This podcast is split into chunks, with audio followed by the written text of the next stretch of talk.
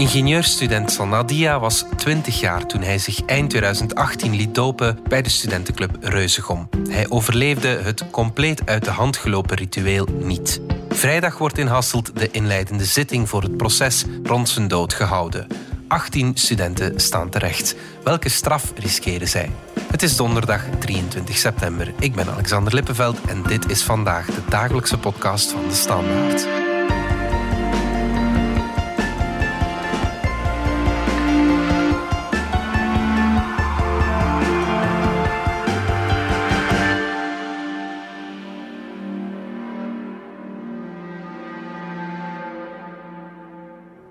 Pieter Huibrechts, journalist bij het Nieuwsblad. Neem ons nog even mee naar toen. Wat is er juist gebeurd? Mhm. Om die feiten te begrijpen moeten we terug naar begin december 2018. We zitten met een tweedaagse doop van uh, Reuzegom. Dat is de Antwerpse studentenclub in Leuven. Mhm. En Sanda Dia wordt gedoopt, neemt als een van de drie schachten deel aan die tweedaagse doop. Ja. En, en er zijn eigenlijk twee delen. Het eerste deel speelt zich af in Leuven. Het tweede deel speelt zich af in, in Vorselaar, in de, in de Kempen. Ja. En het eerste deel gaat eigenlijk vooral om rozen verkopen overdag. Hè. Ze Mhm. moeten verkleed, Sanda's verkleed als apostel, moet rozen verkopen. Doorheen de dag moeten ze al bepaalde vieze papjes eten en moeten ze bepaalde strafopdrachten uitvoeren waar heel veel eh, alcohol aan te pas komt. En dan in de vooravond schakelen ze over naar sterke drank en, en moeten de schachten, eh, onder wie Sandadia, eh een volledig fles gin nuttigen. Oké. En dat is eigenlijk de aanzet, pas de echte start van de avond. Mhm. Eh, want dan gaat het verder naar, naar een gekende feeststal in Leuven, met name de Roomba. Ja. En dan begint de kantus eigenlijk. Oké. Eh, en daar worden ze eigenlijk laveloos eh, afgevoerd. Mhm. En dan begint dag 2 van de, van de doop en die gaat door in Vorselaar. Mhm.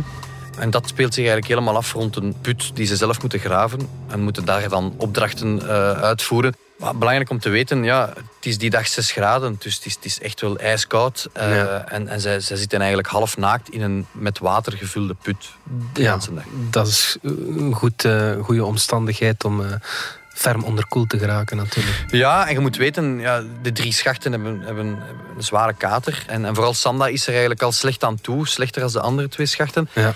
Hij had minstens evenveel gedronken als die schachten. Hij had die eerste avond veel meer moeten braken ook. Dus hij reageerde al heel slecht op die grote hoeveelheden drank. Meer nog, eh, er zijn getuigen die verklaren dat hij eigenlijk niet zelfstandig in die auto op weg naar Vorselaar kan stappen. Ja. Ehm, dus de andere twee schachten moeten hem echt in die auto dragen. En dan volgt een hele dag vol, vol opdrachten, vol emmers water die over hen worden gegoten. Ze moeten eh, muizen eten, ze moeten levende goudvissen doorslikken. Ze moeten heel wat vieze papjes doorslikken. Ehm, dan komt hij er op een gegeven moment wel een beetje door in de namiddag. Eh, er is onder andere een proef waar ze een, een, paling moeten vangen in die put. Mhm. En hij slaagt erin om die paling te vangen. Dus hij is op dat moment wel terug wat helderder. Maar ja, naarmate de dag vordert, eh, gaat het, gaat het eh ja, Van kwaad naar erger. Ja, ja, ja, Dan stapelt het zich op, de vermoeidheid stapelt zich op. ehm, de hoeveelheid visolie die in zijn lichaam zit, stapelt zich op. Visolie, dat moesten ze ook opdrinken. En dat is niet heel erg gezond als je dat doet. Eh, ja, speurders hebben later ontdekt dat er, een, dat er een bidon van 4,5 liter visolie gekocht is, specifiek voor de doop. Dus die visolie zat vermengd in schachtenpapjes die ze moesten eh, nuttigen. Maar ze moesten bijvoorbeeld ook echt die, die bidon, uit die bidon drinken om die goudvissen door te slikken. En ja, zit met die kater van de voorbije dag. Het wordt kouder en kouder. Ja. Hij is dan wel nog afgevoerd naar het ziekenhuis. Hè? Ja, misschien even chronologisch. Hè, rond, rond 19 uur die avond is hij er echt heel, heel slecht aan toe. En, en, en ligt hij eigenlijk in die put. Sommigen zeggen dat hij daar al buiten bewustzijn is. Eh, en het is pas twee uur later, nadat ze hem eerst naar het kampvuur sleuren, eh, dat ze beseffen van, oh, het gaat hier echt niet goed met Sandadia. Eh, we, moeten, we moeten echt in actie schieten. En, en dan overleggen ze, dan is er discussie van, ja, moeten we wel naar het ziekenhuis, moeten we niet naar het ziekenhuis? En dan rond eh 21 uur beslissen ze van, wow, ja, er is eigenlijk een student geneeskunde die de knoop doorhakt en zegt, mannen, stop met lanterfanten. Dat zegt hij letterlijk, we moeten nu naar het ziekenhuis. Ja, ja, ja. En daar is hij uiteindelijk eh, overleden. Wel, eh, hij is eigenlijk overleden in het ziekenhuis daarna. Dus ze gaan eerst rijden ze naar het AZ Sint-Jozef in Malle, eh, waar ze een half uurtje later toekomen. En eigenlijk wanneer hij daar op de spoeddienst binnengebracht wordt, krijgt hij een hartstilstand. Ja. En dat is het moment dat ze hem dus meteen eh, reanimeren. En die reanimatie zet zich eigenlijk verder totdat ze in het UZA in Antwerpen arriveren. En het is dan eigenlijk op 7 december, twee dagen later, mhm. dat hij in de namiddag uh, overlijdt. Vandaag heeft de Raadkamer beslist om de 18 in verdenking gestelden in het dossier door te verwijzen naar de correctionele rechtbank voor alle tenlasteleggingen. Dat zijn acht tenlasteleggingen waarvoor zij worden vervolgd. Dus dat is het toedienen van giftige stoffen met de dood tot gevolg, het toedienen van giftige stoffen met een werkonbekwaamheid tot gevolg, uh, onopzettelijke doding, schuldig verzuim en uh, inbreuk op de dierenwelzijnswet verspreid over de drie tenlasteleggingen. Dat was parketwoordvoerster Dorien van der Heijden. Pieter, wie staat daar nu allemaal voor terecht? Wel, eigenlijk iedereen die betrokken was bij die tweedaagse doop, dus zowel in Leuven als in Vorselaar. En in totaal zijn er 18 reuzengommers die terecht staan. En dat zijn eigenlijk, het gerecht heeft eigenlijk geoordeeld van dat zijn alle 18 die meegedaan hebben op een of andere manier aan de fysieke proeven, de mentale proeven, die op mhm. de kant aanwezig waren, die, die op een of andere manier hebben bijgedragen aan het feit dat Sandadia eigenlijk ja, het is niet dat de doopmeester of de prezes dat die meer verantwoordelijk gesteld worden vandaag. Wel, voorlopig niet. Hè. Dat zal mhm. moeten blijken op het proces. En, en, je kan daar natuurlijk wel een zekere hiërarchie in terugvinden mhm. als, als je inzoomt op wie heeft welke rol gespeeld tijdens die doop. Maar voorlopig heeft het gerecht gezegd van kijk, we zitten met 18 reuzengommers die destijds aanwezig waren. Ehm, er zijn voldoende bezwaren, want zo heet dat dan juridisch, mhm. om die alle 18 door te verwijzen naar een correctionele rechtbank. En laat het debat dan daar maar voeren eh, wie meer of minder schuldig is dan de ander. Ja. En hoe luidt die aanklacht dan precies? Wel, het is eigenlijk een rist aan kwalificaties. Hè. De, er zijn een achttal kwalificaties. Maar grosso modo komt het op neer, uh, worden ze eigenlijk verdacht, of, of na de raadkamer liever beschuldigd van onopzettelijke doding. Mhm. Maar ook het, het, opzettelijk toedienen van schadelijke stoffen met de dood tot gevolg. Mhm. dan, spreken we hier over die papjes, maar vooral ook over die visolie, die een, een, kwalijke rol heeft gespeeld. Het gaat ook over schuldig verzuim. Ehm, dus ja, kijk, jullie waren allemaal aanwezig aan, aan die blokhut. Uh, waarom heeft er niemand vroeger ingegrepen? Waarom hebben we niet vroeger de ambulance gebeld? Die dingen. Dus ja, dat zijn eigenlijk de hoofdkwalificaties. En dan, dan is er ook bijvoorbeeld ja, uh, inbreuken op het dierenwelzijnsrecht. Want ja, niet vergeten, en dat is vooral Gaia die daar een rol in speelt. Er is daar een paling gestorven, er zijn daar vissen uh, gestorven, er, is daar, zijn daar muizen gestorven. Dat zijn ook strafrechtelijke inbreuken. Er waren nog twee andere schachten aanwezig. Eh, wat is hun rol in, uh, in, in dit proces? Ja, zij zitten in een, in een hele ambetante situatie. Ja. Ze zijn nadien ook bij de familie van, van Sandadia geweest. En, en je voelt dat zij krampachtig zo wat worstelen tussen ja, we waren erbij, we zaten in die put, we zijn eigenlijk mee slachtoffer, maar we hebben natuurlijk zelf ook niet smiddags al alarm geslaan. Mhm. Het gerecht beschouwt, en ze zijn uiteraard meermaals verhoord, en het gerecht beschouwt hen als uh, slachtoffer. Ja, en zullen ze getuigen? Ze hebben meerdere verklaringen afgelegd al, maar de kans is niet onbestaande dat zij, dat zij worden opgevorderd om te getuigen. Zij zijn uiteindelijk key players, hè. Zij, zij, mhm. zij waren erbij, zij kunnen het best van iedereen misschien wel beschrijven in welke mate Sandadia die tweede dag achteruit is gegaan. Want ze hebben het van op een meter in diezelfde put uh, beleefd. Ja, een van de verzwarende omstandigheden, denk ik dan, is dat de reuzengommers achteraf geprobeerd hebben om het potje toe te dekken. Hè? Ja, dat is heel merkwaardig gebleken. En, en ik merk ook destijds, toen ik er voor de krant een reconstructie over maakte, daar is heel veel maatschappelijke commotie rond mhm. geweest ook. En je zou ergens kunnen zeggen van ja, het is des mensen, er gebeurt iets, dus je ruimt, je ruimt dat op. Misschien als je ambetante filmpjes op je gsm hebt die je gemaakt hebt, dat je denkt in een paniekreactie van ik moet dat hier wissen. Maar dat is er wel duidelijk gebeurd. Mm Sandadia was nog maar net in het UZA aangekomen, overkwam al vanuit eh, de hoogste regionen van, van het presidium de toch wel dwingende raad van mannen, uh, bescherm uzelf, alle filmpjes verwijderen. Mhm. dus ergens hadden ze toch het besef van oei, hier gaat mogelijk wel juridisch ook nog iets volgen. Er gaan vragen gesteld worden, we gaan misschien verhoord worden we kunnen dit maar beter wissen. Ja. Ze hebben bijvoorbeeld meteen die, die blokhut, die kampplaats eigenlijk helemaal opgeruimd. Ze zijn ook de ochtend nadien, toen Sanda in het, leven, in het ziekenhuis liever voor zijn leven aan het vechten was, uh, hebben ze meteen het kot opgeruimd. Want de eerste avond van de doop was geëindigd op het kot van Sandadia, waar de andere schachten ook ja, comateus eigenlijk in slaap gevallen zijn. En ze hebben dan nog ja, in hun haar liggen knippen. Ze hebben nog met ketchup liggen spuiten. Kortom, dat was daar één, één ranzige bedoeling. En ze zijn dat gaan opruimen voor de politie en nabestaanden daar geweest zijn. Ja, dan denk je vooral aan jezelf op dat moment, denk ik. Hè? Ja, ja, ja. En, en er zullen vermoedelijk vanuit de psychologie heel wat verklaringen kunnen gegeven worden. Dat is, dat is paniek, dat is angst en dat is wat zij daar ook over zeggen van ja, maar nee, dat is geen cover-up, dat is blinde paniek, dat is opruimen. Je verlaat een scène, je ruimt het op. Dat is ook wat Johan Plateau in ter zake gezegd heeft. Een jammerlijke uitspraak van de fuif is gedaan, dan moet je de fuifzaal opruimen. Daar is heel wat gedoe rond geweest, dat is heel slecht ontvangen. Maar dat is wel wat zij daarover vinden. Maar het gerecht ziet daar wel in een, een ander manoeuvre in, met name ja, cover-op, uh, zo snel mogelijk alles wissen. Mm -hmm. Wat riskeren de beklaagden nu? Dat is natuurlijk voorlopig koffiedik kijken hè, wat die procureur op het einde van die zittingsdagen zal, zal vorderen. Uh, maar in theorie riskeren ze tien jaar cel voor al die kwalificaties. Ja, ja. Hoe verdedigen ze zich dan?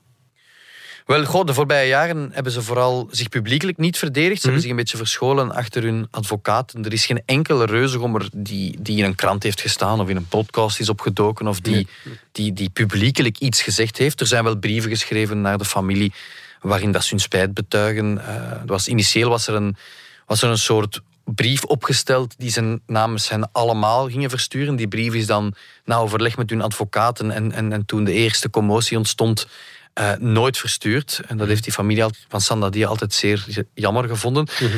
Maar ja, ze zijn natuurlijk meermaals verhoord. En ze zitten natuurlijk met het probleem, als je met 18 mensen iets gezamenlijk hebt beleefd, ja, er kan er dan wel ene zwijgen en de waarheid niet vertellen. Maar door al die puzzelstukjes naast elkaar te leggen, kom je natuurlijk wel tot een coherent verhaal. Er zijn heel veel ooggetuigen van ieders rol. En dat is voor die mannen natuurlijk wel een moeilijkheid. Ja, ja, ja. Laat ons even kijken naar die, die studentenclub, die Reuzegom. Die heeft een bepaalde reputatie. Hè? Ja, die reputatie was zeer berucht. Tot ver buiten Leuven zelfs. Ehm, ik heb rector Luc Sels daarover uh, bevraagd ook. En die zei me, ja, er lag een Reuzegom dossier op ons bureau. Ja. Um, waarom?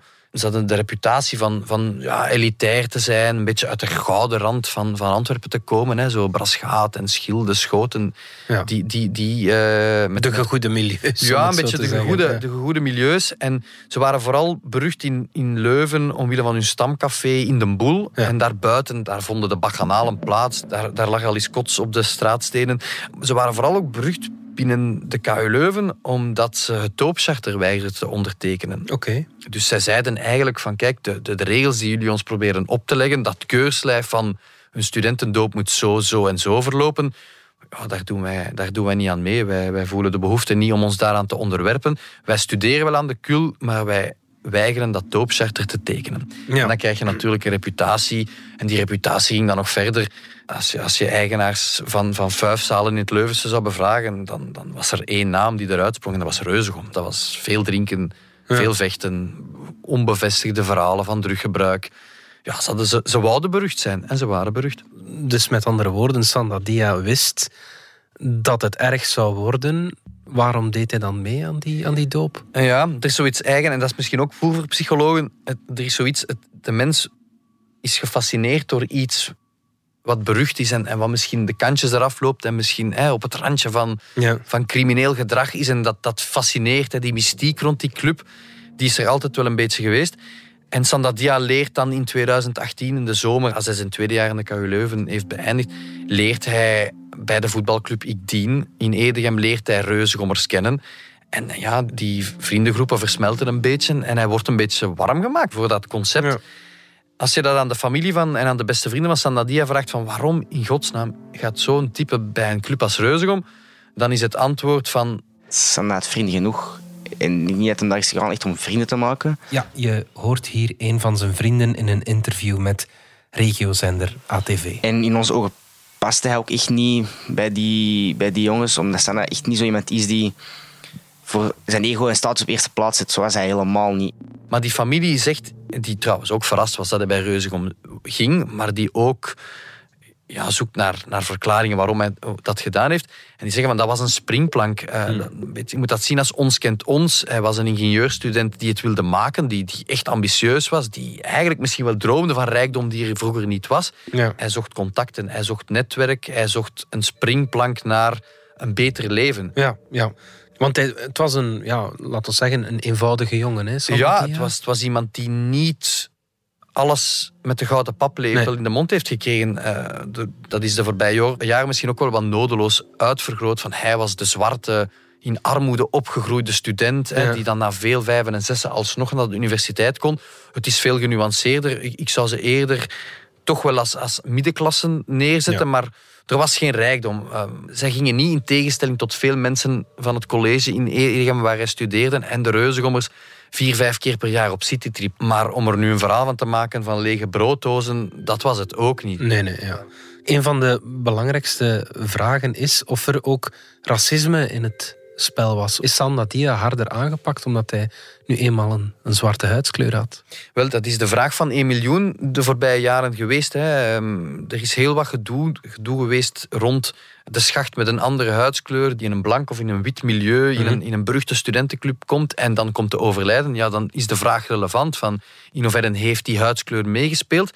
Uh, belangrijk om te vermelden ook is, uh, op een gegeven moment heeft, heeft dit verhaal de, de voorpagina van de New York Times gehaald. Op het moment dat Donald Trump uh, met corona in het ziekenhuis lag, stond Sandadia op de voorpagina van de New York Times en ging het over die racisme-kwestie. Ja. Dat is ook met een raciale saus overgoten. Heel belangrijk om te vermelden is, die 18 reuzengommers worden niet vervolgd wegens racisme. Dus de procureur en de onderzoeksrechter en de speurders die zich over die kwestie hebben gebogen, en dat is in elk verhoor aan bod gekomen, die concluderen wel dat het geen daad van racisme is. Dat hij, hij zal niet minder aangepakt zijn eh, omwille van zijn huidskleur, maar er is niet juridisch vastgesteld dat hij harder is aangepakt omwille van zijn huidskleur. Hmm, ja. wat wel zo is, uh, dat heb ik ook proberen aan te tonen, is dat er in de maanden voor die doop plaatsvindt, hmm. dat er racistische incidenten zijn. Dus dat er daar reuzengommers zijn die wel gehandeld hebben met een racistische ondertoon in de aanloop naar die doop. Ja. Dat staat volgens mij buiten kijf. Ehm, maar wel heel belangrijk om te vermelden, van eh, de kwalificatie racisme is er niet. Er zijn geen bezwaren, uh, is het oordeel dat er sprake is van uh, racistisch geïnspireerde daad. Ja, ja, ja. We gaan er even tussenuit want ik wil je warm maken voor een bijzondere podcastreeks die we samen met de Nederlandse krant NRC maakten, De Schaduw van Dutroux. 25 jaar geleden vindt in België een van de grootste betogingen ooit plaats. Je ziet daar beelden van je eigen land, waar dan zogezegd bijna een revolutie is uitgebroken. Het land is in shock na een reeks gruwelijke kinderverdwijningen. De dader is Marc Dutroux. Ik was wel kwaad op het gerecht, wel omdat het gerecht heeft wel serieuze fouten begaan en zo. Hè. In de podcast De Schaduw van Dutroux gaan we op zoek naar de impact van deze zaak. Luister naar De Schaduw van Dutroux, een podcast van NRC en De Standaard. Vanaf nu te beluisteren in jouw podcast-app. Over de rol van de KU Leuven in de nasleep dan vooral van, die, van deze zaak is ook al heel veel gezegd en geschreven. De aanvankelijke straf, tussen aanhalingstekens mhm. straf, voor die reuzegommers was schrijf een paper, doe wat maatschappelijk werk, je bent er vanaf. Het is wel een feit dat de KU Leuven en dat zeggen ook heel veel bronnen binnen de KU Leuven, ze hebben dat schromelijk onderschat in eerste instantie. De KU heeft zich aanvankelijk geen burgerlijke partij gesteld. En was niet op de hoogte in die eerste fase van alle details van, het, van dat strafonderzoek, van alle details van die doop. Mhm. En ze hebben dat, zoals het instituut als de KUL misschien betaamt, in eerste instantie pedagogisch willen aanpakken. En ze hebben gezegd van oké, we gaan die mannen uitnodigen voor een groepsgesprek. We gaan individueel met die mannen aan de slag. We gaan ze een paper laten schrijven over studentencultuur, studentendopen. En we gaan ze een straf opleggen waarin, waarbij ze 20 of 30 uur maatschappelijk werk moeten verrichten. Er zijn reuzegommers die, die met gehandicapten uh, gewerkt hebben, die op een vakantiekamp zijn meegegaan, hè, van alles en nog wat. En dan was de kous af de KU Leuven wou die jongens in eerste instantie vooral laten verder studeren. Ja. Dan is die reconstructie gekomen in het nieuwsblad en ook in de standaard in de zomer van 2020. 20, ja. En dan is die maatschappelijke commotie ontstaan. Dan is er heel veel gedoe geweest ook over ja, hoe racistisch is hij de dood ingejaagd. Ja.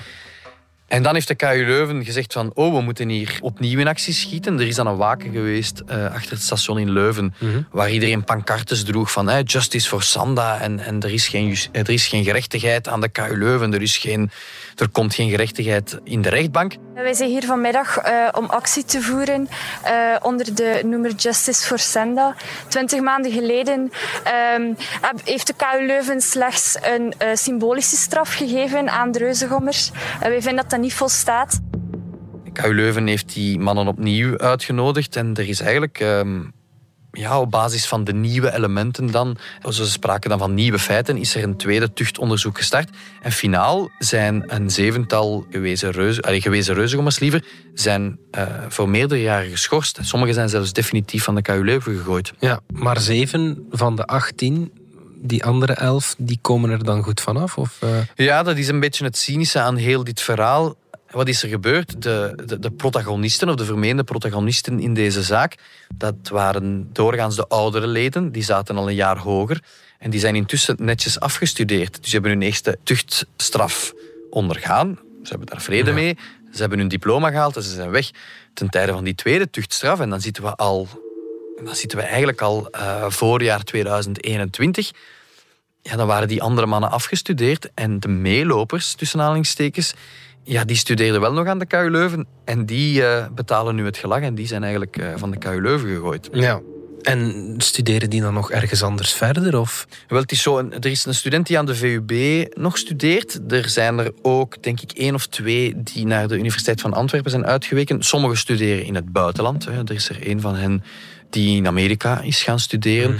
Er zijn er die geschorst zijn. Misschien zijn er sommigen gestopt. Ik weet het niet van alle 18 van buiten.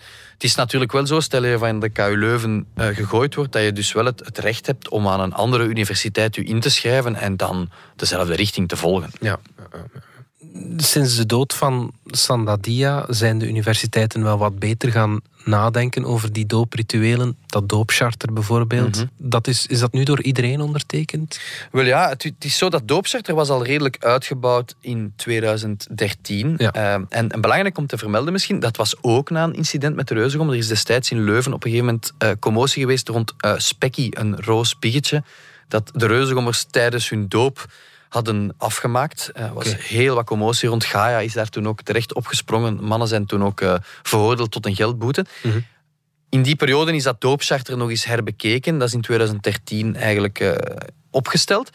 En dus na de dood van Sandadia is dat doopcharter herbekeken en aangescherpt. En, en, wat ze ook meteen hebben gedaan, is eigenlijk met, met, met de mensen die het doopcharter al die tijd weigerden te ondertekenen, dat waren jongensclubs, meisjesclubs, het, het seniorenconvent, mhm. hebben ze samengezeten en gezegd van mannen, vrouwen, wat moet er hier in godsnaam nog gebeuren voor jullie dat tekenen?